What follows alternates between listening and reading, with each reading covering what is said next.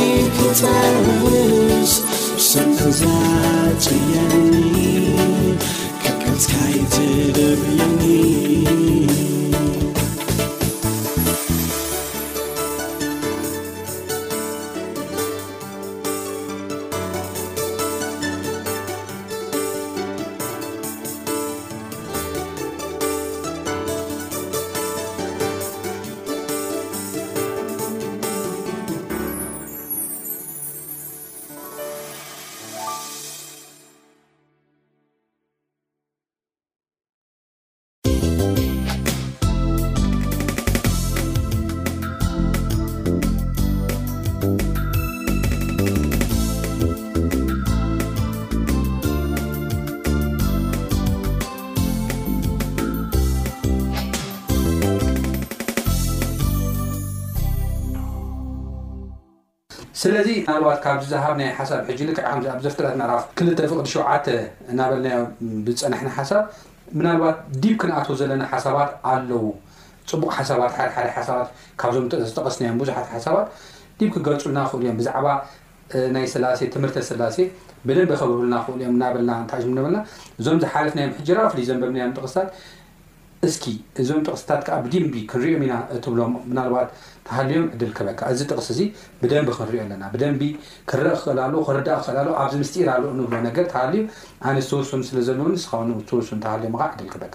Well እቲ ቀንዲ እቲ ቀንዲ ክንሕዞ ዘለና ክቡራት ሰማዕቲ ውን ክሕዝዎ ዘለዉ እንታይ ኢና ንብል ዘለና ኣብ እግዚኣብሔር ኣቦ እግዚኣብሔር ወልድ እግዚኣብሔር መንፈስ ቅዱስ ዝተሓናፈፅ ኣይኮነን እግዚኣብሔር ኣቦ እግዚኣብሔር ወልድ ኣይኮነን እግዚኣብሔር መንፈስ ቅዱስ ኣይኮነን ኢልና ኣለና መንነቱ ባዕሉ ኢንዲፐንደንትሊ ዝኾነ ወይ ከዓ ብባዕሉ ዝነብር ዘንብር እውን ከም ዝኾነ እግዚኣብሔር ኣቦ ከምኡ እግዚኣብሔር ወልዱ ከምኡ እግዚኣብሔር መንፈስ ቅዱስ ከምኡ ከም ዝኾነ ኢና ንርኢ ዘለና ማለት እዩ ስለዚ ካብ ብሉይ ኪዳን ኮነ ካብ ሓድሽ ኪዳን እነጣቕሶ ዘለና ቅድም ኢልካ ዝገለፅካዮ ነገር ኣሎ ባይዘወይ ኣብ ቀዳማይ ዮሃንስ ምዕራፍ ሓሙሽተ ቁጽሪ ሸውዓተ ዘሎ ሓሳብ ወሳኒ ሓሳብ እዩ ከመይ ምስክርሲ መን እዩ ሰለስተ ወላ ብባህልን ኣበንኺ ብምብ ዝኾነ ምስክርስ ብኽንደይ ይጸንዕ ይብል መጽሓፍ ቅዱስ ብሰለስተ ስለዚ ብኽልተ ይግውድ ከኣ ብሰለስተ ዝተገምደሲ ድሓር ቅድም ኢልካ እውን ገሊጽካዮ ኢኻ እግዚኣብሔርሲ ንኣዳምን ሄዋንን ምስ ፈጠረሲ ብዝሑ ተባዝሑ ምድሪ ምልእዋ ኢሉ ኣብ ምዕራፍ ክልተ ከድና ክንርኢ ከለና ኣዳም ሀ ካብ ጎኑ ምስ ወጸትሲ እግዚኣብሔር ታይ ገይሩ ማለት እምበኣርከስ ሰብኣይ ሀ ወለዱ ይሓድግ እሞ ምስ ሰበይቱ ታይ ይኸውን ይጣበቕ ታውኸ ክንደይ ይበሃል እዩ ዝብል ሓደ ኤኻድ ኤኻድ ይሲ ሓደ ይኾኑ ናይ ናይ ሓድነት ናይ እንታይ ሓድነት ቅድም ኢልና ገሊፅና ኢና ኣብቲ ናይ መጀመርያ ምዕራፍ ማለት እዩ እቲ ሓድነት ናይ ዕላማ ሓድነት እዩ ናይ ሓሳብ ሓድነት እዩ ኣብ ደቂ ሰባት ከምኡ ይሰርጽ ዶ? ያው ብዙሕ ግዜ ያው ንምፍልላይ እንኳ ዝመጽእስ ስለ ንፋለል እዩ ማለት እዩ። ናይ እንታይ ሓድነት እዩ? ናይ ባህር ባህርያዊ እውን ባህርያዊ ሕጂ ንኣብነት ምስ ብ ምሒር ክትላመድ ከለኻ ምስ በዓልቲ እንዳኻስ ባህርያዊ ዝኾኑ ጸጋታት እውን ትላወሱ ኢኹም ማለት እዩ። ቅድም ኢልና እውን ገሊጽናዮ ኢና። ኣብዚ ኣብዚ ናይዚ ክነጽንዖ ዘለና ናይ ናይ እግዚኣብሔር ኣብ እግዚኣብሔር ወልድ እግዚኣብሔር መንፈስ ቅዱስ ሓድነት ክንብል ከለና ብደንቢ ገይሩ ጎይታናን መድሓኒትናን የሱስ ክርስቶስ ኣብ ዮሃንስ ወንጌል ምዕራፍ ዓሰርተ ከድና ንርኣ ዮሃንስ ወንጌል ምዕራፍ ዓሰርተ ጽቡቅ ገይሩ እዩ ቅድም ኢለ ውን ጋይዝ ኤን ክቡራት ሰማዕቲ ምዕራፍ ዓሰርተ እንታይ እዩ ዝብል ዮሃንስ ወንጌል ምዕራፍ ዓሰርተ ምዕራፍ ዓሰርተ ኣርባዕተ ከድና ንርኦ ቃል ኣሎ ምዕራፍ ዓሰርተ ቁጽሪ ሰላሳ ሲ እንታይ ይብል ኣነን ኣቦን ሓደ ኢና እናበለ መለሰሎም ሓደ ሓደ ኢና ወልደ እግዚኣብሔርን እግዚኣብሔር ኣቦንሲ ሓደ ኢና እናበለ ገለጸሎም ይብለና። ኣብ ምዕራፍ ዓሰርተ ኣርባዕተ ድማ ኬድና ንርኢ። ኣብ ምዕራፍ ዓሰርተ ኣርባዕተ ድማ ኬድና ፊልጶስ ሓደ ሕቶ ሓቲትዎ ሓደ ሕቶ ሓቲትዎ ምዕራፍ ዓሰርተ ኣርባዕተ ማለት እዩ። ልብኹም ኣይሸበር፣ ብኣምላኽ እመኑ፣ ብኣይ እውን እመኑ፣ ብኣምላኽ እመኑ፣ ብኣይ እውን እመኑ። ረእዮ እቲ ዝደጋግም ዘሎ ቃል ማለት እዩ። ኣብ ቤት ኣቦይ ብዙሕ እቲ ኣብ ኣምላኽ መን እዩ ማለት እዮዚ ኣቦ እዩ እቲ ኣምላኽ ኢሉ ዝገልጾ ዘሎ ውን ንክብራት ሰማዕቱ በዚ ኣጋጣሚ ክገልጾ እቲ ኣምላኽ ኣምላኽ ኢሉ ዝገልጾ ዘሎስ ንኣቦ እዩ ብኣቦይ እመኑ እዩ ብኣቦ እግዚኣብሔር ኣቦ እመኑ ብኣይ ውን እመኑ ከምቲ ኣብ ፊልጵስዮስ ምዕራፍ ክልተ ዘሎ ማለት እወ እቲ ናይ ኢንቲቲ ምህላዎም ይገልጽ እሞ እቲ ማዕርነቶም ውን ይገልጽ ኣነን ኣቦን ሓደ ኢና ማዕርነት ማዕርነት ናይ እንታይ ናይ መለኮታዊ ሓድነት ማለት እዩ መለኮታዊ ሓድነት ከም ዘለውን ኣብዚ ክንርኢ ንኽእል ኢና ማለት እዩ። መሕደር እንተ ዘይህሉ ግና ምነገርኩኹም ነይረ። ሕጂ ግና ስፍራ ኸዳልወልኩም እንታይ ክገብር እየ? እኸይድ ኣሎኹ። ኸይደ ስፍራ ምስ ኣዳለኹኹም፣ ኣብቲ ኣነ ዘሎኹዎ ንስኻትኩምውን ኣብኡ ምእንቲ ኽትህልዉ፣ ተመሊሰ ኽመጽእ እየ እሞ፣ ምሳይ ክትግህዙ ናብቲ ኣነ ዝኸዶ መገዲ ትፈልጥዎ ኢኹም። ቶማስ ከኣ ይብለና፣ ጐይታይ፣ ናበይ ከም እትኸይድ ኣይንፈልጥን ኢና። ነቲ መንገዲ ኸመይ ጌርና ኢና እንፈልጦ? በሎ። የሱስ ከምዚ በሎ፣ መንገድን ሓቅን ህይወትን ኣነ እየ። ብዘይ ብኣይ ሓደ እኳ ናብ ኣቦ ዝመጽእ የለን። ሕዚ ኣብዚ ክንርኢ ከለና ብዙሕ ነገራት ኢና ንርኢ ማለት እዩ። ናብታ ቅንዲ ነጥበይ ግን ክኣቱ ፊልጶስ ቶማስ ግን ሓቅን ህይወትን ኣነ ኢሉ መሊሱሉ እዩ። ፊልጶስ ዘልዕሎ ሕቶ ግን ኣሎ። ፊልጶስ ቁጥሪ ሸሞንተ ከድና ከነንብብ ከለና ፊልጶስ ከዓ ጎይታይ ነቦ ደኣ ርእየና እምበር ይኣኽለና በሎ።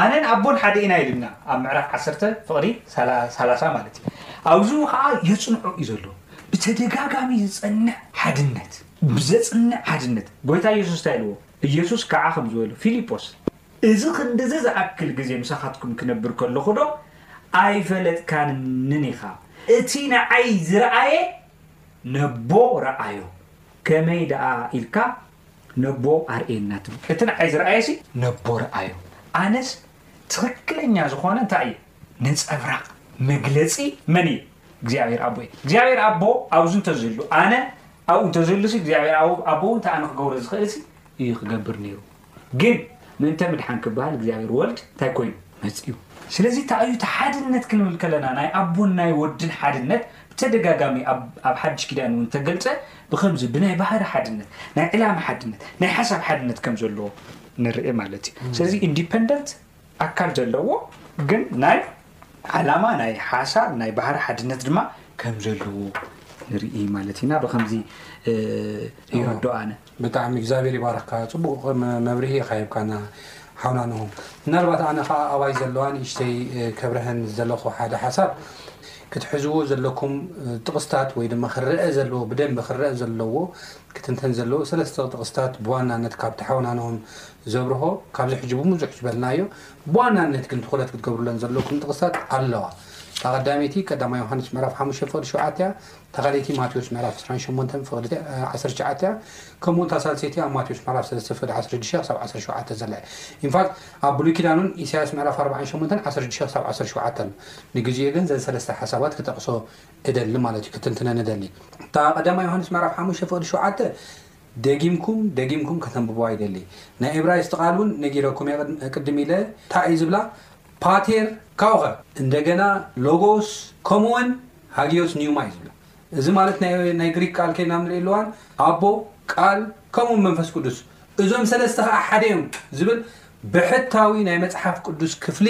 እዚ ቃል ብቃል ማለት እዩ ኣነ ይገርመኒ ብግልጺ እዞም ሰለስተ ከኣ ሓደ እዮም ዝብለሉ ቃል ኣብ ቀዳማ ዮሃንስ ምዕራፍ ሓሙሽተ ካብ ሸውዓተ ክሳብ ሸሞንተ እዞም ሰለስተ መን እዮም ሓድነት ሓደ ምዃኖም ከዓ ዝገልፅ እዚኦም እዮም እዞም ሰለስተ ኣቦ ቃል መንፈስ ቅዱስ እዮም ይብለና እዞም ሰለስተ ከኣ ሓደ እዮም ይብለና። ሓድነቶም እምበኣር ብምንታይ ከም ዝኾነ ክንርኢ ኢና ሕጂ ቀጺልና ማለት እዩ። እታ ካልእቲ ክብለኩም ዝደሊ ጥቕሲ ኣብ ማቴዎስ ምዕራፍ 20 ሸሞንተን ዘላ እያ። እዚ ከኣ ብዛዕባ ሓድነቶም ዘርእየና እዩ። ኢንፋክት እዚ እውን ቃ ይገልጾ እዩ። እቲ ሰለስተ እቶም ሰለስተ መን ከም ዝኾኑ ኣብ ቀዳማይ ዮሃንስ ምዕራፍ ሓሙሽተ ፍቕዲ ሸውዓተ ዝበሎም ኣብዚ እውን ይገልጾ እዩ። ግን ሓድነቶም ከኣ ብዝበለጸ ብዚኣ ይገርመና እዩ። ኣይ ሚን ይገልጸልና እዩ። ከምዚ ንበል ካብ ቁጽሪ ዓሰርተ ትሽዓተ ከንብብ ይደሊ ስለዚ ኪዱ ንኩሎም ኣህዛብ ብስም ኣቦን ወድን መንፈስ ቅዱስን እናጥመቅኩም ዝኣዘዝኩኹም ኩሉ ክሕልዉ እናመሃርኩም ደቀ መዛሙርቲ ግበሩ ብስም ትብል ቃል ሲንጉላር እያ ወይ ድማ ነጸላ ትገልጽ ቃል እያ ካብኡ ኣቦን ወድን መንፈስ ቅዱስን እናጥመቕኩም። ኣብዚ ቃል እዚ ክልተ ሓሳባት ክህብ ይደሊ። እቲ ሓደ ሓድነቶም ብምንታይ እዩ ዝብል ክገልጽ እደሊ፣ እታ ካልኣይቲ ከኣ ኣብቲ ናይ እንግሊሽ ቃል ኬድኩም ከተንብቡ ከለኹም ኣብዚ ማቴዎስ ምዕራፍ ዕስራን ሸሞንተን ፍቕዲ ዕስራን ትሽዓተን ማለተይ እየ ዝገርም ሓሳብ ኢኹም ትረኽቡ ማለት ዓንተ ወይ እናገለጽናዮ ዝነበርና ማለት እዩ።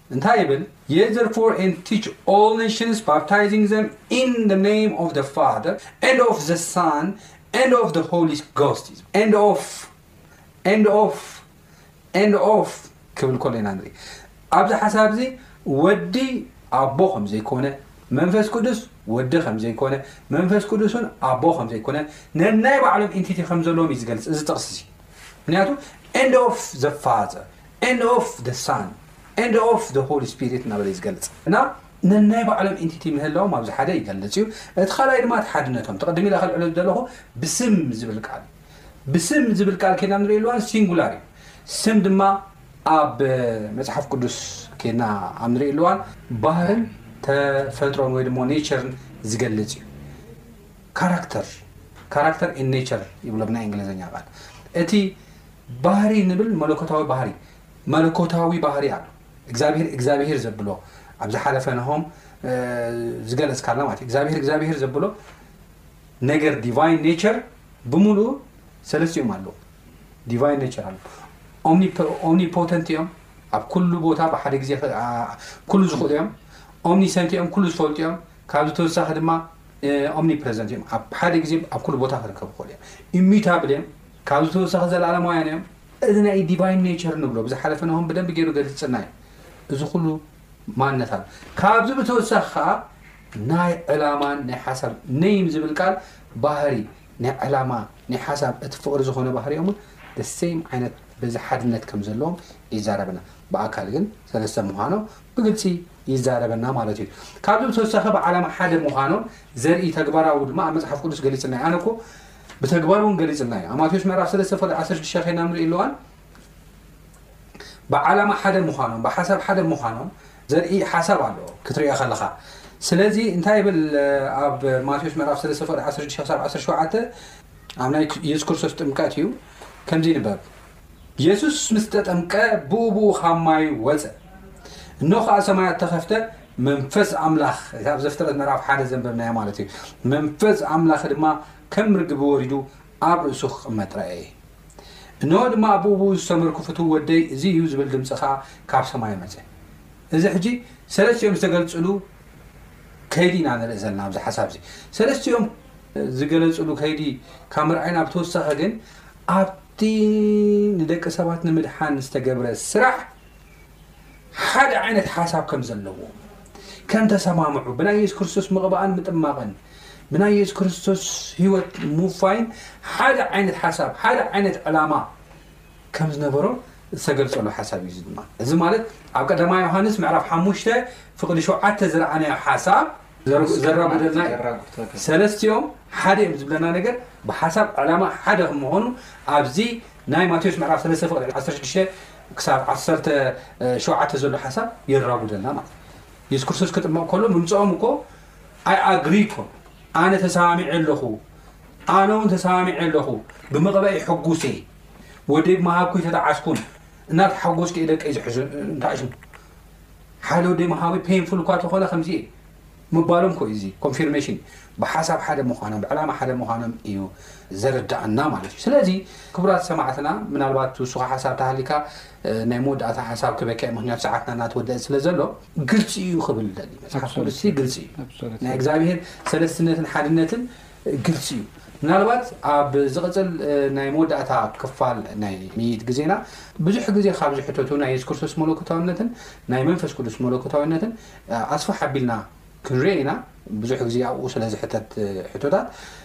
ንግዚኡ ግን ሎሚ ብዛዕባ ስላሴ ዘሎ ኮንሰፕት ግን እዚ ከም ዝኾነ ዘየማትእ ከም ዝኾነ ኢና ንርኢ። ምናልባት ናሆም ኣብ መወዳእታ ትብሎ ሓሳብ ኣለካ? ገሊፅካዮ ኢኻ ኣብ ኣብ መወዳእታ ም- ዮሃንስ ወንጌል ምዕራፍ ዓሰርተ ሸውዓተ ቁጽሪ ዕስራን ሓደን ዘሎ ምስቲ ቅድም ኢልካ ዝገለጽካያ ኣብ ማቴዎስ ወንጌል ምዕራፍ ሰለስተ ቁጽሪ ዓሰርተ ሽዱሽተ ዘሎ ከምኡ ውን ምስ ቀዳማይ ዮሃንስ ምዕራፍ ሓሙሽተ ቁጽሪ ዓሰርተ ሸውዓተ ቁጽሪ ሸውዓተ ዘሎ ቁጽሪ ሓሙሽተን ቁጽሪ ሸሞንተን እውን ክነንብቦ እጋብዝ በዚ ኣጋጣሚ ኣብ ቀዳማይ ዮሃንስ ምዕራፍ ሓሙሽተ ካብ ሓሙሽተ ጀሚርና ሽዱሽተ እንዲና ካብኡ እውን ሸሞንተ ትማይ እውን ምስክር እዩ ትጥምቀት ጎይታናን መድሓኒትናን የሱስ ክርስቶስ ኣብቲ እዋን እሱ ናይ እግዚኣብሔር ኣቦ ኻብ ሰማይ ብድምጺ፣ ናይ ጐይታ መንፈስ ቅዱስ ድማ ብምንታይ? ብኣምሳል ርግቢት፣ ርግቢት እዮም ዝብልዎ ገለ ገለ፣ ኣይ ከምኡ ኣይኮነን እቲ ግሪክ እውን እቲ ትርጉም ብኣምሳል እዩ ዝብል፣ ብ፣ ብ፣ ብምስሊ፣ ብኣምሳል። ኣብኡ ከምኡ ኢልና እንትነብቅዕ ዮሃንስ ድማ እንታይ ይብለና ዓሰርተ ሸውዓተ፣ ዮሃንስ ወንጌል ምዕራፍ ዓሰርተ ሸውዓተ ቁጽሪ ዕስራን ሓደን፣ ኦ ኣቦ፣ ጐይታ የሱስ ክርስቶስ ኣብ ጸሎት እዩ፣ ኦ ኣቦ፣ ንስኻ ኸም ዝለኣኽካኒ፣ የጽንዕ ኣሎ ይምስክር ውን እኮ እዩ ዘሎ። ዓለም ምእንቲ ክትኣምንሲ ኩላቶም ሓደ ምእንቲ ክኾኑ ከምቲ ርዐ ንስኻ ኣባይ ዘሎኻ ኣነ ውን ኣባኻ እግዚኣብሔር ኣቦሲ ከምቲ ንስኻ ኣባይ ዘሎኻ ኣነ ውን ኣባኻ ከምኡ ድማ ንሳቶም ኣባና ምእንቲ ክኾኑ እልምን ኣሎኹ ምስ በለ ቁጽሪ ዕስራን ክልተን ንሕና ይብል ሓደ ከም ዝኾንና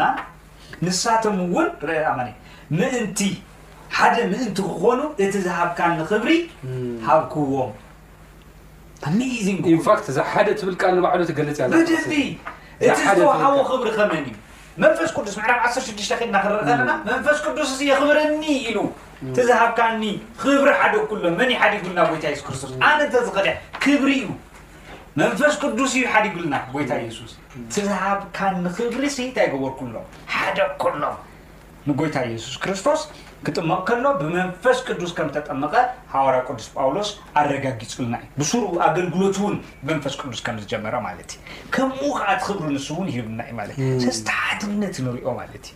እቲ ሓድነት ኣብ እግዚኣብሔር ኣብ ወልድ መንፈስ ቅዱስ ዘሎ ከምቲ ቅድም ኢልና ኣብቲ ናይ መጀመርያ ክፋል ዝገለጽናዮ እቲ እግዚኣብሔር ኣምላኽ ንዓና እውን ሓደ ምእንቲ ክኾን ሓድነት ናይ ዓላማ ሓድነት ክህልወና ናይ ሓሳብ ሓድነት ክህልወና ናይ ባህሪ እውን ሓድነት ክህልወና ካብ ባዕሉ ካብቲ ናይ እግዚኣብሔር ኣብ ወልድ መንፈስ ቅዱስ መንነት ወይ ባህሪ እንወስዶ እንመሃሮን ዓብዪ ትምህርቲ ከም ዝኾነ ንምግላጽ ዝኣክል እዩ። እግዚኣብሔር ይባርኽካ ሓውና ናሆም ብጣዕሚ ጠንካራ ዝኾነ ነጥቢ ኢኻ ኣብ መወዳእታ ጽቡቅ ኮንክሊዥን ኢኻ ሂብካና ክቡራት ሰማዕቲ ንዘለኩም ዝኾነ ይኹን ሕቶ ወይ ርእይቶ ክትልእኹልና ትኽእሉ ኢኹም ኣብ ዝቕጽል ብኻልእ ክሳብ ንራኸብ ሰላም ኩኑ ሰሰናዩ